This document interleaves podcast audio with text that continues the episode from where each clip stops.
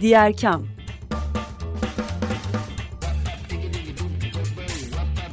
Sosyal fayda dünyasından fikirler, tartışmalar, haberler.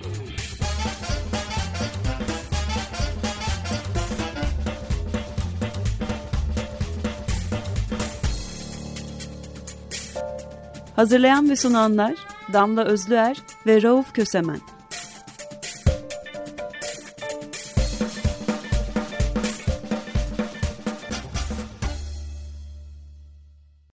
Herkese merhaba 95.0 Açık Radyo'da Diğer Kam'da Rauf Kösemen ve Damla Özler'le birliktesiniz. Ve yılın o zamanı geldi. Geçtiğimiz yılda bu zamanlarda Oxfam'ın raporunu konuşuyorduk. Şimdi yine Oxfam'ın raporunu e, konuşacağız. Davos zirvesi başladı. Zirveyi biz daha çok e, Türkiye'den Mehmet Şimşek ve ekibinin katılmama haberleriyle gördük. Ancak aynı zamanda her Davos öncesi olduğu gibi Oxfam küresel eşitsizlik raporunun 2024 yılını bu sefer yayınladı. Geçtiğimiz yıl raporunun adı Survival of the Richest'ti yani en zenginin hayatta kalması. Bu yılda raporunun adını Inequality Inclusive yani eşitsizlik şirketi olarak koydu. Rapordaki rakamlar iç açıcı değil. Ee, geçen yıldan itibaren de hala eşitsizliklerin daha da e, çoğaldığını, derinleştiğini, uçurumların arttığını görüyoruz ve Oxfam'ın çok ciddi uyarıları var rapor boyunca. O uyarılarla birlikte yapılması gereken, izlenmesi gereken yol haritasına yönelik de e, önerileri var. Bugün diğer kamda Oxfam'ın raporunu ve eşitsizlikleri konuşacağız. Rauf ilk topu hemen sana atayım mı? Evet, tekrar merhaba. Ee, Oxfam'ı biliyorsunuz Londra merkezli bir insani yardım örgütü. Her yıl e, raporlar yayınlıyor Damla'nın özetlediği gibi. E, ve bu raporları e, yıl başlarında da biz burada yorumluyoruz. Bu yılki raporda çok ilginç bir şey var. E, dünyanın yüzde birlik zenginleriyle geri kalan yüzde 99'u kıyaslıyor. Çünkü zenginlik ve yoksulluk bu şekilde ayrılmış durumda. Bu Oxfam'ın tercihi değil. E, rakamlar böyle gösteriyor. E, en zengin yüzde birlik kesim 2020'den bu yana yaratılan tüm zenginliklerin iki katını almış. Yani yaklaşık 42 trilyon dolarlık bir miktarı toplamış. Yani 85 e, trilyon dolar civarında bir zenginlik yaratılmış. Yüzde biri e, pardon e, 21 milyar e, trilyon dolar civarında bir zenginlik yaratılmış. E, bunun iki katına yakın bir rakamı e, şeyler zenginler yüzde birlik kesim almış. E, diğer taraftan dünya nüfusunun yüzde 99'u da e, bunun yarısı kadar e, bir şey alıyor, pay alıyor yaratılan zenginlikten. Ve bu yüzde 99'u kesim vergi rekortmeni. Gelirlerine oranla en yüksek vergi ödeyenler yoksullar. Sadece Türkiye'de değil, dünyanın her yerinde. E, bu ilginç bir şey. E, dünya nüfusunun yaklaşık yüzde 60'ını oluşturan 5 milyar kişi dünyanın en yoksul insanlarını oluşturuyorlar ve bu yoksullar daha da yoksullaşmışlar 2020'den bu yana.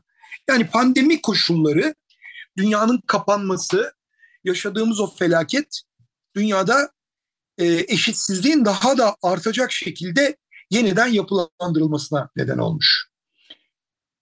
E, ve önümüzdeki 10 yılında milyarderler için yaşanan, tarihte yaşanan veya yaşanacak olan en iyi 10 yıl olacağını söylüyor. Burada kesim e, Damla senin burada söyleyeceğin bir şey var gibi hissediyorum. Oxfam'ın bütün raporları aslında eşitsizlikleri çok çarpıcı e, başlıklarla anlamamıza olanak tanıyor. Bu raporda farklı değil. Zaten e, manşetler raporun içinden cümle cümle dökülüyor. Birkaç şey söylemek lazım aslında. E, verilere göre görüyoruz ki yoksulluğu bitirmemize en az 230 yıl var. Ama bu arada 10 yıl içerisinde dünya ilk dolar trilyonerine kavuşabilir. Yani kavuşmamız gereken menzil bu muydu diye ilk sorulması gereken soru belki bu. Ee, Oxfam raporda diyor ki e, küresel şirketlerin ve monopollerin gücü e, ekonomideki eşitsizliği ve kaynakların kullanımındaki eşitsizliği her gün daha da derinleştiriyor ve uçurumlar yaratıyor.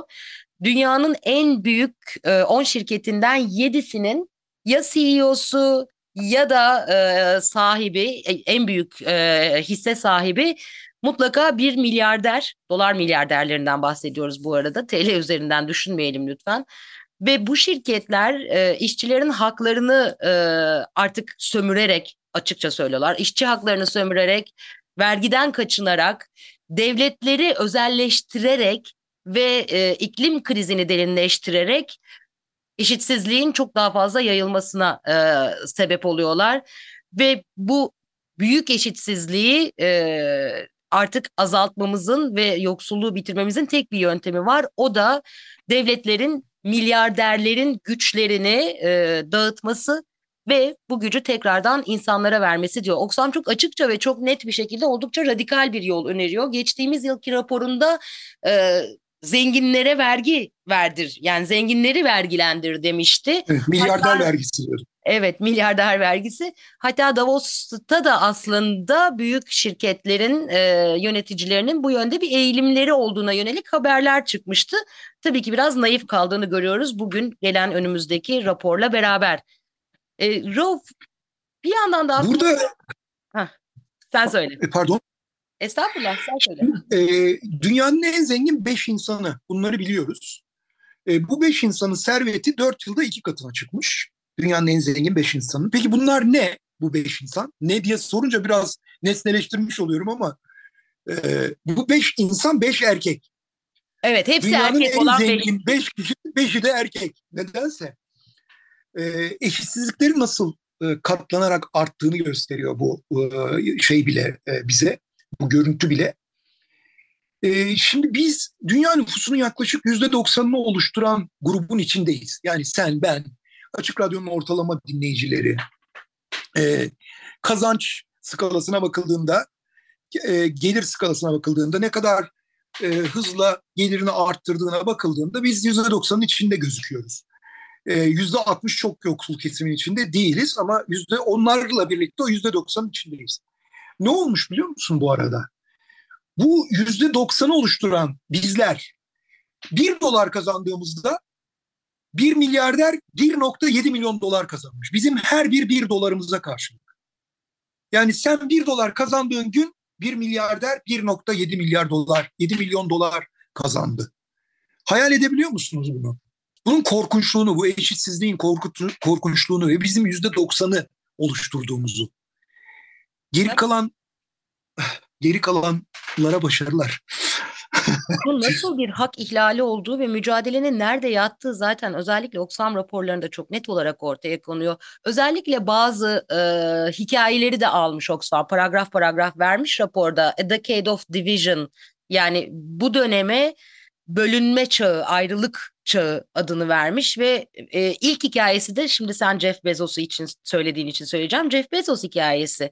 E, Jeff Bezos dünyanın en zengin insanlarından biri. Serveti 167.4 milyar dolar e, ve bu servet geçtiğimiz yıl boyunca 32 milyar dolar daha arttı. Şey 2020'den beri 32 milyar daha dolar daha arttı diyor.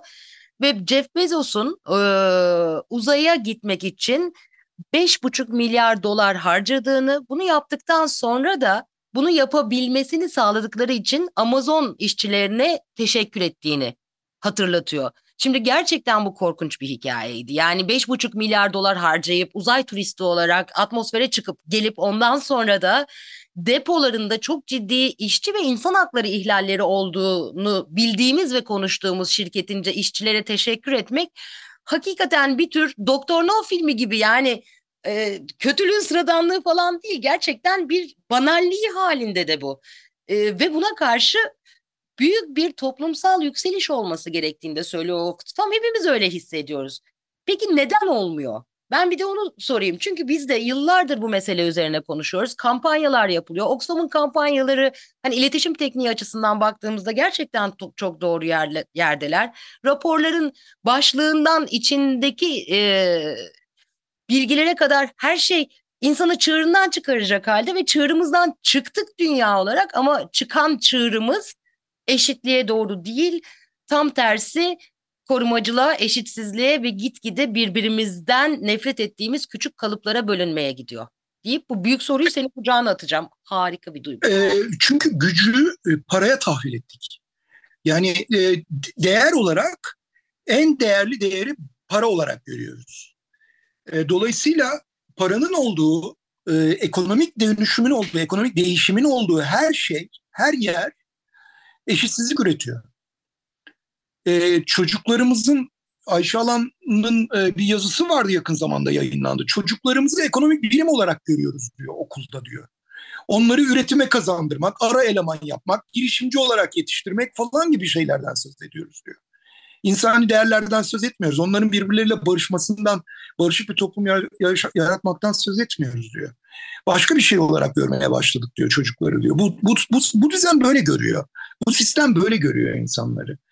E, dolayısıyla her şeyin paraya tahvil edildiği yerde güç de paraya tahvil ediliyor.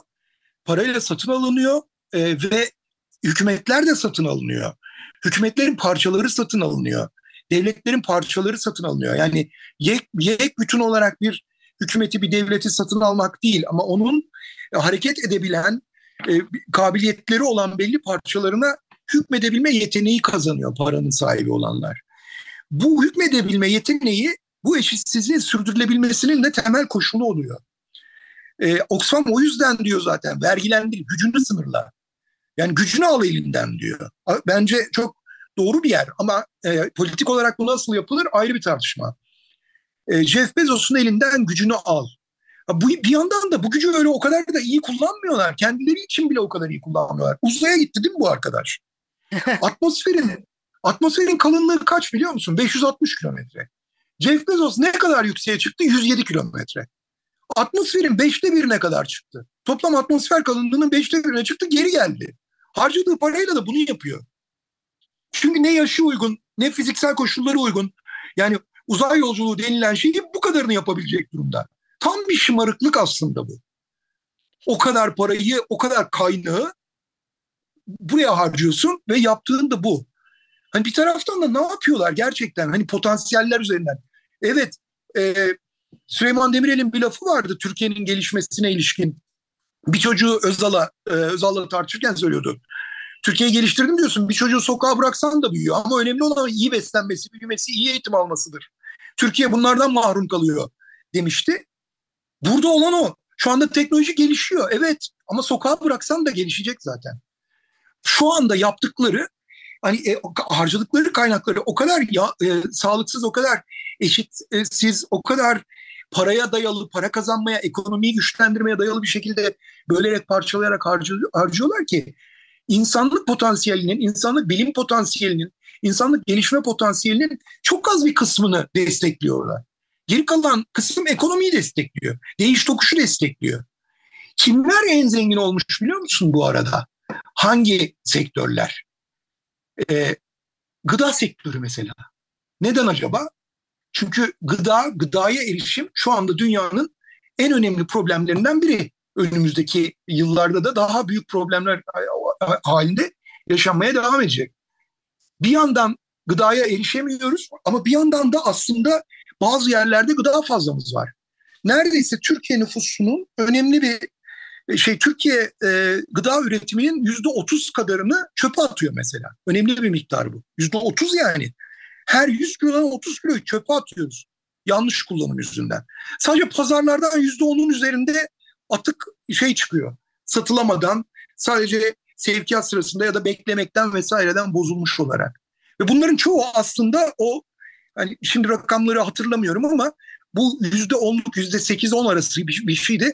O rakamın da önemli bir kısmı aslında kullanılabilir durumda. Yani başka buluşlar yapılsa, başka öncelikler olsa, başka ambalajlama teknikleri olsa, allı pullu güzel güzel cici cici şeyleri bize satmak üzere yaldızlamak yerine başka işlevsel şeylere yatırım yapsalar bunlarla karşılaşmayacağız ve dünyada belki gıda krizi içine girmeyecek. Ama e, işte ne yazık ki öyle değil. Öncelikler farklı.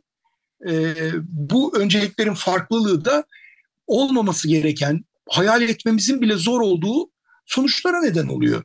Elon Musk, Bernard Arnault, Jeff Bezos, Larry Ellison ve Mark Zuckerberg. Bunlar 2020'den bu yana 423 milyar avro e, artırmışlar. Kişi başına yüzde 114 oluyor yani beşe bölündüğünde. Yani Jeff Bezos'un yine az kendisi üzerinden bakınca. Onun e, ikiye katlamasına neden olan başka milyarderler var yani. Onun diğerlerini desteğiyle ikiye katlamış olmuş bu beşlinin içinde değerlendirildiği için. Şimdi rapordan birkaç e, veri daha okumak e, Lütfen. lütfen. E, ama bu verilerle beraber aynı zamanda biraz önce söylediğin hem e, gıda meselesine hem de Türkiye'nin e, durumuna yönelik birkaç bilgiyi birleştirerek söylemek istiyorum. Onun üzerinde de biraz konuşalım. E, rapordaki çarpıcı verilerden biri şu. Eğer bu beş e, pek pek zengin e, adam her gün 1 milyar 1 milyon dolar harcasa, her gün 1 milyon dolar harcasalar toplam servetlerini eritmeleri 476 yıl sürüyor. 476 yıl boyunca her gün 1 milyon dolar harcayabilir bu beş insan. Bu zaten her şeyi gösteriyor. Yani birikim modelindeki aksaklığı da görebiliyoruz burada. Ee, bir başka şey de şu, bir sağlık veya sosyal hizmetler sektöründeki bir kadın çalışanın e, Fortune 100 şirketlerinden birinin CEO'sunun kazandığı parayı kazanabilmesi için de 1200 yıl gerekiyor. Bunun dışında aynı zamanda rapor şeyleri de veriyor. Yani e, örneğin Brezilya'da beyazlar e, Afrika e, kökenlilerin yüzde yetmişinden daha fazla para kazanıyorlar aynı işleri yaparak. İşte e, en e, acısı en zengin yüzde bir küresel olarak karbon kirliliğini geri kalan dünyanın üçte ikisinden daha fazla e, arttırıyor. Yani en dünya nüfusunun üçte ikisinin karbon emisyonu en zengin yüzde birin karbon emisyonundan az. Arkadaş yani bu olacak iş değil. Hep beraber yaşadığımız ve yaşamaya devam etmek istediğimiz bir gezegeni bu hale getirmek işte 5,5 milyar e, dolar verip ondan sonra da atmosfere çıkıp geldim demekle mümkün ancak. Ve bizler insanlık olarak bunun e, önüne geçmek zorundayız. Aslında, Gerçekten yeni aslında şöyle hareketler olması gerekiyor. Hı. Şöyle bir hayalleri var. Bu e, insanın böyle bir özelliği vardır. Kendini inandırıyor bunlara. Şöyle bir hayalleri var tabii ki kolonileşecek dünya dışı e, alanda ve bu kolonileşmenin sonucu olarak da e, yoksulluklarla boğuşanlar kalacak. E, onlar kendileri kurtulacak. Çünkü o zaman e, o 400 küsür yılda harcayabilecekleri birer milyon dolara e, bir günde harcamaları gerekebilecek gerçekten. Yani Mars'taki koloniye gitmek ve orada bir nüfuz edinmek için bu paralara ihtiyaç olacak. Belki böyle bir e, senaryo kuruyorlardır. Böyle bir felaket senaryosu üzerine gidiyorlardır. Çünkü bir yandan da tek tek herhangi birinin verdiği kararla çözülebilecek bir şey değil bu. Yani bugün Jeff Bezos imana gelse hadi arkadaşlar Yeni bundan bir sonra Jeff böyle yapıyoruz olacak. dese dese bu, bu sorun çözülmeyecek yani. Bu çünkü metotla ilgili, modelle ilgili. Aynen öyle. Bu arada söylediğin doğru. Sadece Mars kolonisi tabii Elon Musk yüzünden çok da fazla şey oldu ama dünya üzerinde de farklı koloniler var. Yani çok yakında işte Mark Zuckerberg'in koskoca bir adanın altını oyarak işte bütün felaketlere dayanıklı bir felaket şeyi e, tesisi diyelim çalışanları için ayrı bölümleriyle vesaire arkadaşları için ayrı bölümleriyle yani kendi şeylerini kuracaklarına dair bir şeyleri var. E, imparatorluklarını mı desem, küçük e, kurtulmuş adacıklarını mı desem, e, o türden bir vehimleri var. Fakat biraz önceki zihin ipliğini bırakmak istemiyorum Rauf, Rauf bunu konuşalım istiyorum. Bu rakamlar bir yanda duruyor. Öbür taraftan da son iki gün içerisinde önemli iki tane haber vardı. Bir tanesi şuydu, başka bir raporda finansallaşmanın yani finansal araçların derinleşmesinin ve ekonominin finansallaşmasının yoksulluğa ve eşitsizliğe nasıl bir e, deprem etkisi yarattığını gösteren bir rapor vardı. Öbür taraftan da dün Türkiye'nin bütçe açığı e, açıklandı biliyorsun ve e, oldukça inanılmaz rakamlarla karşılaştık. E, hemen söyleyelim e, detay olarak. Geçtiğimiz yıla göre neredeyse e, 10 kat artmış bir bütçe açığından bahsediyoruz. E, ve trilyon liralardan bahsediyoruz şu anda. E, deprem felaketinin yaşandığı 2023 tablosundan bahsediyoruz. Fakat bütçe açığının kırılımlarına geldiğimiz zaman aslında deprem felaketinin ve deprem için yapılan harcamaların yüzdelerinin bu açığı e, ha, anlatmaya çok da yetmediği görülüyor. Pek çok ekon ekonomist şu anda e, yazıyor. 1.37 trilyon TL açık verdi bu arada Türkiye e, ekonomisi. E, Mustafa Sönmez detaylarını yazmış. Deprem için yani şehircilik ve risk odaklı bütünleşik afet yönetimi deniyor. Bu arada bütçe açığının çok büyük kısmı son dakika AFAD'a aktarılan çok ciddi bir rakamla da oluşuyor. Yüzde 13 bütçede ve en çok e, bütçede ayrılan yer burayaymış gibi görünüyor. Ama öbür taraftan hemen karşılaştırmalı bakıyoruz. KKM için yani kur korumalı mevduat için e, ayrılan bölümde yüzde on olmuş. Yani biz servet transferine koca Türkiye bütçesinin yüzde onunu ayırmışız. Yaşadığımız yüzyılın değil belki de 500 yılın en büyük felaketine yüzde on üç ayırmışız. Hemen ardından da tarıma yüzde iki buçuk ayırdığımız görünüyor. İstihdama yüzde iki nokta iki, hukuk ve adalet için yüzde bir nokta sekiz, temel eğitim için yüzde dört ayrıldığını görüyoruz bütçeden. Zaten biraz önce söyledin ya model meselesi. Modelin aksaklığının hemen şimdi önümüzdeki Türkiye'nin bütçe açığının kırılımlarında da görebiliyoruz deyip bu zihin ipliğini sana atıyorum. Savaş sanayine ne kadar ayrılmış var mı? orada. Ee, var hemen yani, söyleyeyim. Şaşıracaksın ama bir dakika. Adalete yüzde ikiyi geçme 1.8, eğitime yüzde dört. Ulusal savunma ve güvenlik için yüzde 5.1. Eh yani eğitime yüzde dört ayrıldığı bir durumda yüzde 5.1 fena değil aradaki durum. Kötünün iyisi yani. Bugüne değil. kadar duyduklarımızdan. Ha, doğru doğru. Temel, temel eğitim yüzde dört. Ama yüzde on KKM yani hani Oradan pay biçelim. Tabii. Finansallaşma ben, ben... ve servet transferlerine ayrılan oranın büyüklüğünü hani bunu bir pay grafik haline getirdiğimiz zaman orada kocaman bir renk olarak duracağını göreceğiz bunun da. Ee, ben espri yapıyorum zaten. Sinizm benimki. Evet ee, evet. Bu şimdi e, sürekli şunlardan da yorulduk artık.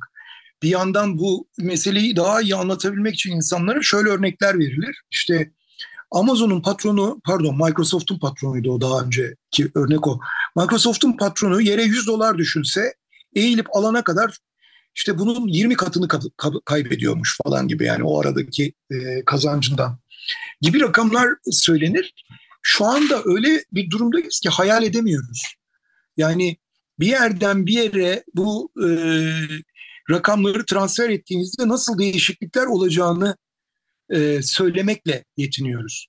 Yani nerenin su sorununu çözer mesela? Jeff Bezos'un bir yıllık kazancı e, Afrika'ya aktarılırsa 10 yıllık e, gıda ihtiyacını karşılayacak şekilde çözüyor mesela problemi. 10 yıllık gıda ihtiyacını hemen o anda çözüyor. Yapılan yatırımlarla bütünüyle çözebilir. Şimdi böyle bir acayiplikle karşı karşıyayız. Ama e, bu acayipliğe karşı da e, bunları öne çıkarmak, bunları görmek, göstermek ve hükümetleri harekete geçmeye çağırmaktan başka da araç yok elimizde. Ne denir bilmiyorum.